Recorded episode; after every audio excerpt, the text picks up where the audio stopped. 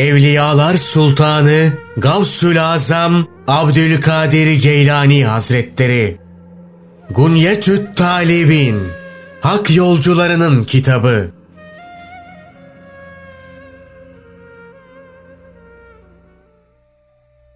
İtikat.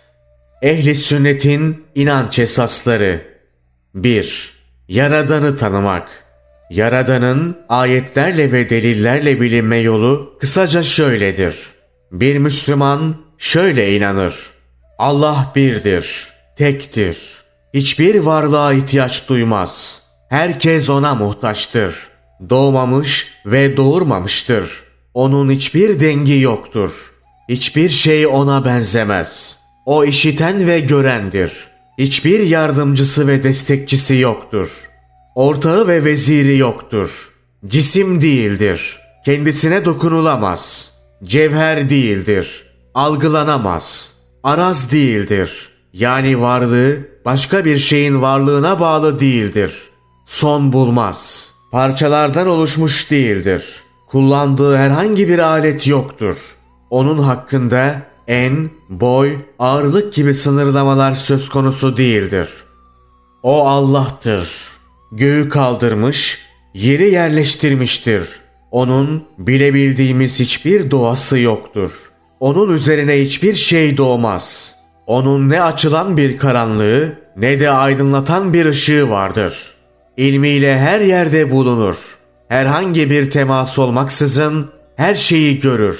Kahhardır, hüküm verendir. Sonsuz kudret sahibidir. Rahmet sahibidir.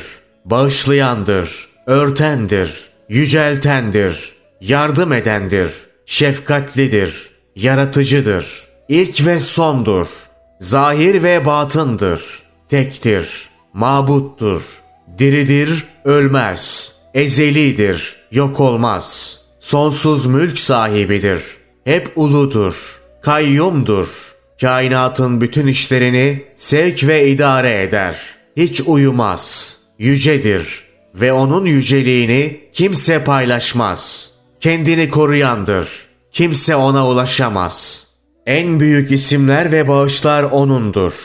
O bütün insanlığın yok olacağına hükmederek şöyle buyurmuştur. Yeryüzündeki her canlı yok olacaktır. Ancak senin hem azamet hem kerem sahibi Rabbinin zatı baki kalacaktır.'' O yücelik bakımından arşa istiva etmiş, bütün mülkünü kuşatmıştır. O ilmi her şeyi kuşatandır. Her türlü güzel söz onun nezdinde karşılık bulur. Güzel sözleri Allah katında karşılık bulduran şeyse onun hoşnutluğunu kazandıracak davranışlardır. Gökten yere kadar bütün işleri o düzenler. Sonra tüm işler sizin hesaplamanızda bin yıl kadar süren bir zaman zarfında ona yükselir. Var olan her şeyi ve onların yaptıklarını yaratan, rızıklarını ve ecellerini belirleyen O'dur. Onun sonraya bıraktığını öne alacak, öne aldığını sonraya bırakacak hiçbir güç yoktur. Bütün varlıkların yaptıklarını O dilemiştir. Onları koruması altına alsaydı ona muhalefet edemezlerdi.'' Bütün insanların kendisine itaat etmesini dileseydi, hepsi itaat ederdi. O sırrı ve ondan daha gizlisini bilir. Kalplerin içindekini bilir. Bütün her şeyi yaratan Allah bilmez olur mu hiç? O sınırsız bilgisiyle her şeye akıl sır bir şekilde nüfuz eden ve her şeyden haberdar olandır. Hareket ettiren ve durduran O'dur. Vehimler onun nasıl bir varlık olduğunu tasavvur edemez.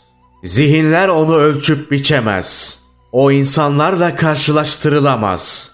O yarattığı bir şeye benzemekten veya yoktan var ettiği şeylerin arasına katılmaktan yücedir. Nefesleri sayar. Herkesin yaptığını görüp kaydeder. O göklerde ve yerde bulunan herkesi sınırsız ilmiyle kuşatıp fert fert tespit etmiştir.'' Onların hepsi kıyamet günü Allah'ın huzuruna mallarından, mülklerinden, taraftarlarından ve evlatlarından yoksun olarak geleceklerdir. Herkes dünyadayken peşinde koştuğu şeylerin karşılığını ahirette görsün diye. Bütün bunların yaratılması, Allah'ın günah işleyenlere hak ettikleri cezayı vermesi, kulluk görevlerini samimiyetle ifa edenleri de en güzel şekilde ödüllendirmesi içindir. Onun yarattığı hiçbir varlığa ihtiyacı yoktur. O bütün varlıkların rızkını verendir. Yedirir. Ona yedirense yoktur. Rızık verir. Ona rızık verense yoktur. Korur. Onu koruyansa yoktur. Bütün yaratılanlar ona muhtaçtır. Onları herhangi bir fayda elde etmek veya kendinden bir zararı gidermek için veya yaratmasını gerektiren bir sebep bulunduğu için ya da aklına gelen bir düşünceden dolayı yaratmış değildir. Yalnızca yaratmayı dilediği için yaratmıştır. Nitekim o şöyle buyurmuştur. Yüce arşın sınırsız hükümranlığın sahibidir. Dilediği her şeyi yapma gücüne sahiptir. Eşyayı yoktan var etmeye, zarar ve musibetleri gidermeye, eşyayı değiştirmeye ve halden hale koymaya gücü yetmek bakımından da tektir. O her an yaratma halindedir. Takdir ettiği şeyi gerçekleşeceği vakte yönlendirir. Allah'ın sıfatları Allah hayat sıfatıyla diridir. İlim sıfatıyla bilendir. Kudret sıfatıyla her şeye gücü yetendir. İrade sıfatıyla dileyendir. İşitme sıfatıyla duyandır. Görme sıfatıyla görendir. İdrak sıfatıyla idrak edendir. Kelam sıfatıyla konuşandır. Emreden, yasaklayan ve haberler verendir. Allah verdiği hükümde adildir. Verdiği nimetleri lütuf ve ihsanıyla verir. İlkin yaratan ve yeniden yaratacak olandır. Diriltir ve öldürür. Var edip yaratır. Mükafat verir. Cezalandırır. Cömerttir. Cimrilik etmez. Hilm sahibidir. Cezalandırmada acele etmez. Her şeyi kaydeder. Unutmaz. Uyanıktır. Dalgın olmaz. Gözetleyendir. Hiç gaflet etmez. Rızkı bazen daraltır, bazen genişletir. Müteşabih sıfatlar. Güler, sevinir, sever, beğenmez, kin tutar, hoşnut olur, öfkelenip kızar, rahmet eder, bağışlar, verir ve esirger. Allah'ın eli var mıdır? Onun iki eli vardır ve her ikisi de sağ eldir. Allah Celle Celaluhu şöyle buyurmuştur. Gökler onun eliyle dürülüp bükülmüş bir hale gelecektir. Abdullah bin Ömer şöyle nakletmiştir. Allah Resulü sallallahu aleyhi ve sellem minberde gökler onun eliyle dürülüp bükülmüş bir hale gelecektir. Ayetini okuduktan sonra gökler Allah'ın elinde olacak ve onu bir çocuğun topu attığı gibi atacaktır. Sonra da tek yüce benim diyecektir buyurdu. Allah'a yemin ederim ki bunu söylerken Allah Resulü minberde sallanıyordu. Neredeyse düşecekti. İbni Abbas da Allah ondan razı olsun şöyle demiştir. Allah gökleri ve yeri ikisini birlikte avucuna alacak ve avucunda yerin ve göğün uçları bile görülmeyecektir. Abdullah bin Ömer de Hazreti Peygamber sallallahu aleyhi ve sellemin şöyle buyurduğunu nakletmiştir. Orta yolu tutanlar kıyamet günü Allah katında nurdan minberler üzerinde Rahman'ın sağında duracaklardır. Allah'ın her iki eli de sağ eldir. Hazreti Adem aleyhisselamı eliyle kendi suretinde yaratmış, adın cennetinin ağaçlarını kendi eliyle dikmiş, Tuğba ağacını kendi eliyle dikmiş, Tevrat'ı kendi eliyle yazmış ve onu kendi eliyle Musa aleyhisselamın eline uzatmıştır. Onunla arada bir aracı ve tercüman olmaksızın konuşmuştur. Kulların kalpleri Rahman'ın iki parmağı arasındadır. Onları dilediği gibi evirip çevirir ve dilediğini onlara öğretir. Gökler ve yer kıyamet gününde onun avucunda olacaktır.'' Nitekim bir hadiste böyle söylenmiştir. Ayağını cehennemin üzerine koyar ve cehennemin bir tarafı öbür tarafına doğru kaçar. Bunun üzerine cehennem yeter, yeter der. Cehennemden bazı kimseleri de kendi eliyle çıkaracaktır. Allah'ın görülmesi. Cennetlikler onun yüzüne bakıp onu görürler. Bakarlarken izdiham olmaz. Birbirini ezmezler. Nitekim bir hadiste şöyle buyurulmuştur. Allah onlara tecelli eder ve onlara arzuladıkları her şeyi verir. Allah Celle Celaluhu ise şöyle buyurmuştur. Allah'a kulluk görevlerini hakkıyla yerine getirenlere ahirette çok güzel bir mükafat verilecektir. Onlar için bir de ziyade vardır. Kimi müfessirlere göre çok güzel mükafat cennettir. Ziyade ise onun yüce cemaline bakmaktır. Yine şöyle buyurulmuştur. Kimi yüzler neşe ve mutluluk saçacak, Rablerine bakacaklardır.'' Bütün anlaşmazlıkların çözüme kavuşturulacağı hesap gününde kullar onun huzuruna çıkarılacak ve onların hesabını o bizzat kendisi görecektir. Bu konuda kimseye yetki vermeyecektir. Allah'ın arşı Allah gökleri ve yerleri katmanlar halinde yaratmıştır. Yerlerin en üst katmanıyla göğün en alt katmanının arası 500 yıllık yoldur. Gökyüzünün her katmanının arası da 500 yıllık yoldur. Su göğün yedinci katmanının üzerindedir. Rahman'ın arşı ise suyun altındadır. Allah arşın üzerindedir. Önünde ateş, ışık ve karanlıktan oluşan bir perde vardır. Perdenin mahiyetini bir tek Allah bilir. Arşı taşıyan melekler vardır. Allah Celle Celaluhu şöyle buyurmuştur. Gerek karşı taşıyan, gerekse onun çevresini donatan melekler her daim övgüyle Rablerini anarlar. Arşın yalnızca Allah'ın bildiği bir sınırı vardır. Allah Celle Celaluhu şöyle buyurmuştur. O gün meleklerinde arşın çevresini donatarak övgüyle Rablerini andıklarına tanık olacaksın. Arş kızıl yakuttandır. Genişliği gökler ve yer kadardır.'' Kürsü arşın üzerinde ıssız bir yere atılmış bir halka gibidir. Allah yedi kat gökte olanları, bunlar arasında ve altında olanları, yedi kat yerde olanları, bunların altında ve arasında olanları, denizlerin dibindekileri, her kılın ve ağacın bittiği yeri, biten her ekin tanesini, düşen her yaprağı, bütün bunların sayılarını, çakıl taşlarını, kumların ve toprakların sayısını, dağların ve denizlerin ağırlığını, kulların yaptıklarının, izlerinin, nefeslerinin, sözlerinin sayısını bilir. Her şeyi bilir. Bunlardan hiçbirisi ona gizli kalmaz. O yarattığı her şeyden başkadır ve bilmediği hiçbir yer yoktur.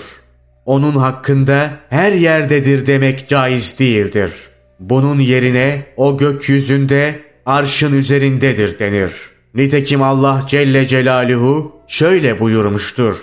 Rahman arşa istiva etti.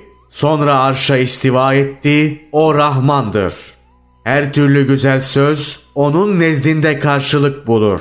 Güzel sözleri Allah katına yükselten şeyse onun hoşnutluğunu kazandıracak davranışlardır.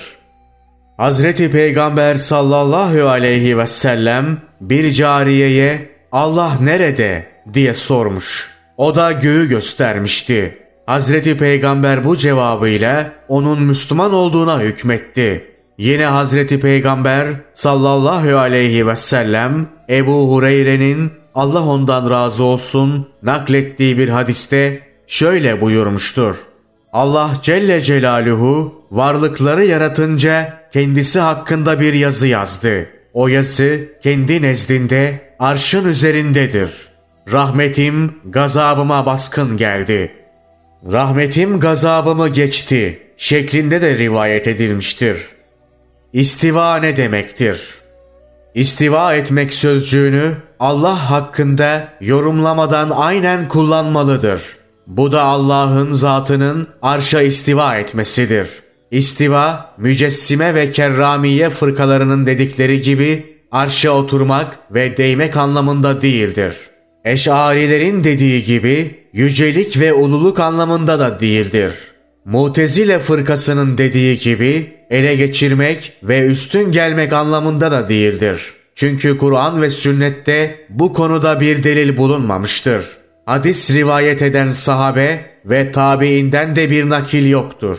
Aksine onlardan nakledilen bunu kullanıldığı anlama yormaktır. Hazreti Peygamber sallallahu aleyhi ve sellemin hanımlarından Ümmü Seleme'nin Allah ondan razı olsun Rahman arşa istiva etti buyruğu hakkında şöyle dediği nakledilmiştir. Bunun nasıl olduğu akılla bilinemez. İstiva etmek ne anlama geldiği bilinmeyen bir şey değildir. Bunu böyle kabul etmek gerekir. İnkar etmekse küfürdür. Müslim bin Haccac bu sözü sahihinde Hazreti Peygamber sallallahu aleyhi ve selleme dayandırmıştır. Enes bin Malik'in Allah ondan razı olsun rivayet ettiği bir hadiste de ifade böyledir. Ahmet bin Hanbel Allah ona rahmet eylesin vefat etmeden kısa bir süre önce şöyle söylemiştir. Allah'ın sıfatlarıyla ilgili haberler geldiği gibi kabul edilir. Sıfatlar herhangi bir şeye benzetilemeyeceği gibi yok da sayılamazlar. Bir başka rivayete göre ise şöyle demiştir.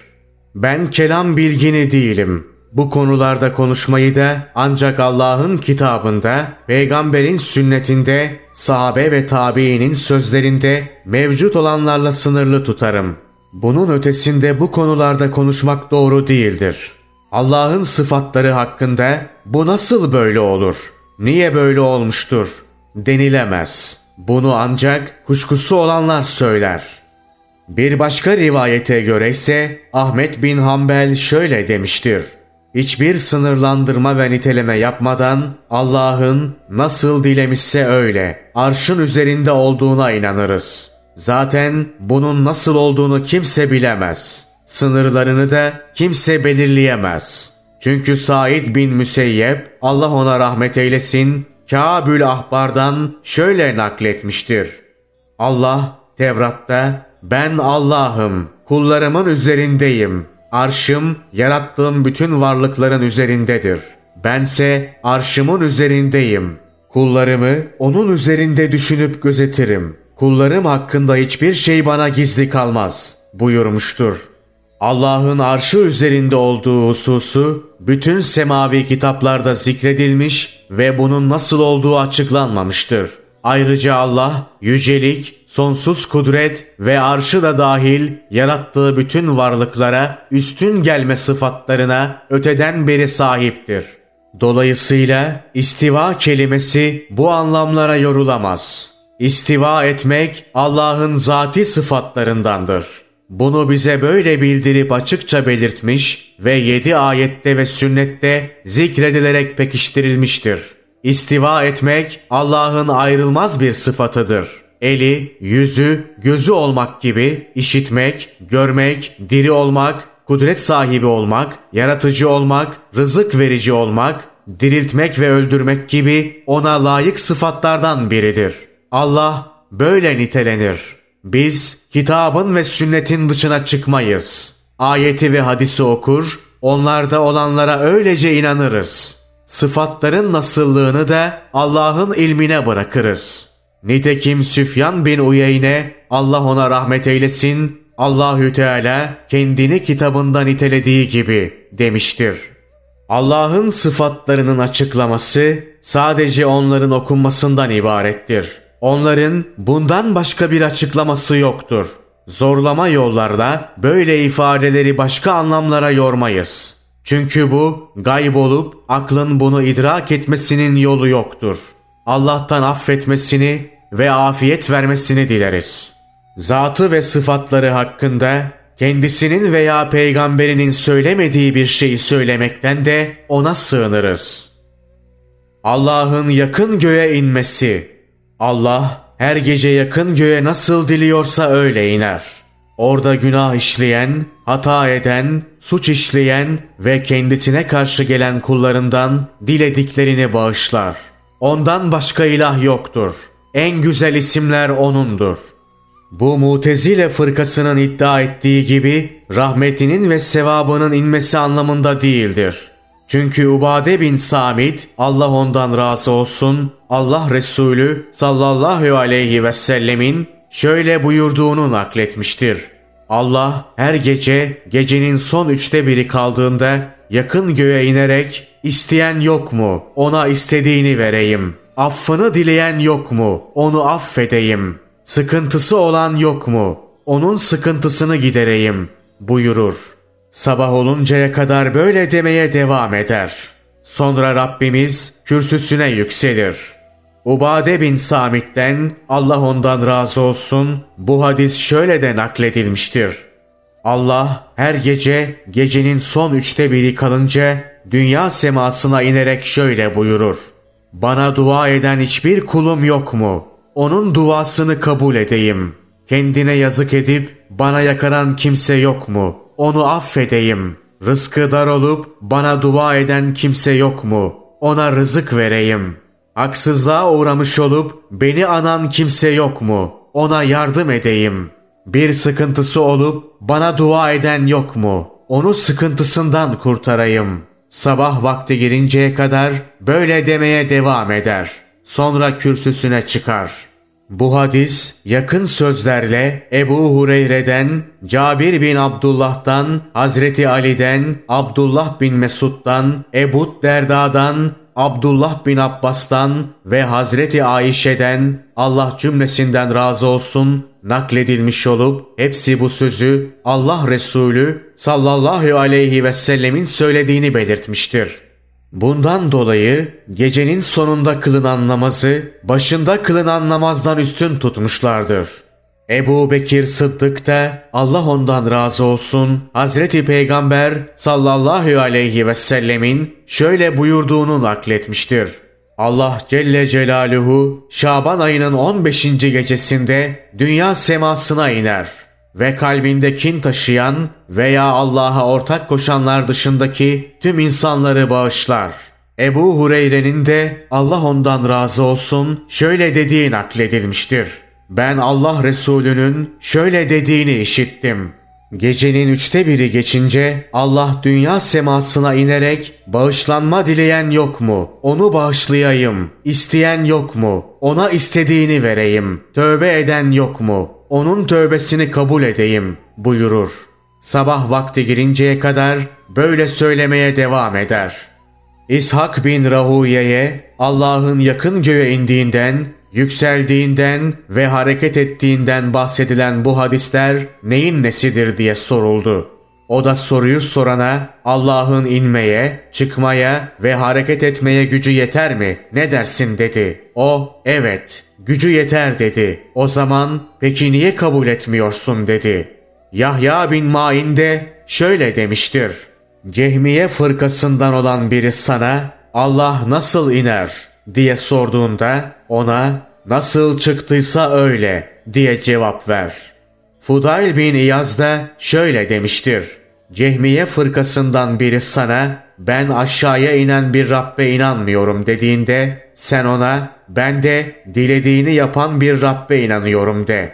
Şerik bin Abdullah'a aramızda bu hadisleri kabul etmeyenler var denilince şöyle cevap vermiştir namaz, oruç, zekat ve hac gibi daha önce bilinmeyen isimleri Allah Resulünden bize taşıyanlar Allah'ı da Celle Celaluhu bize bu hadislerle tanıttılar.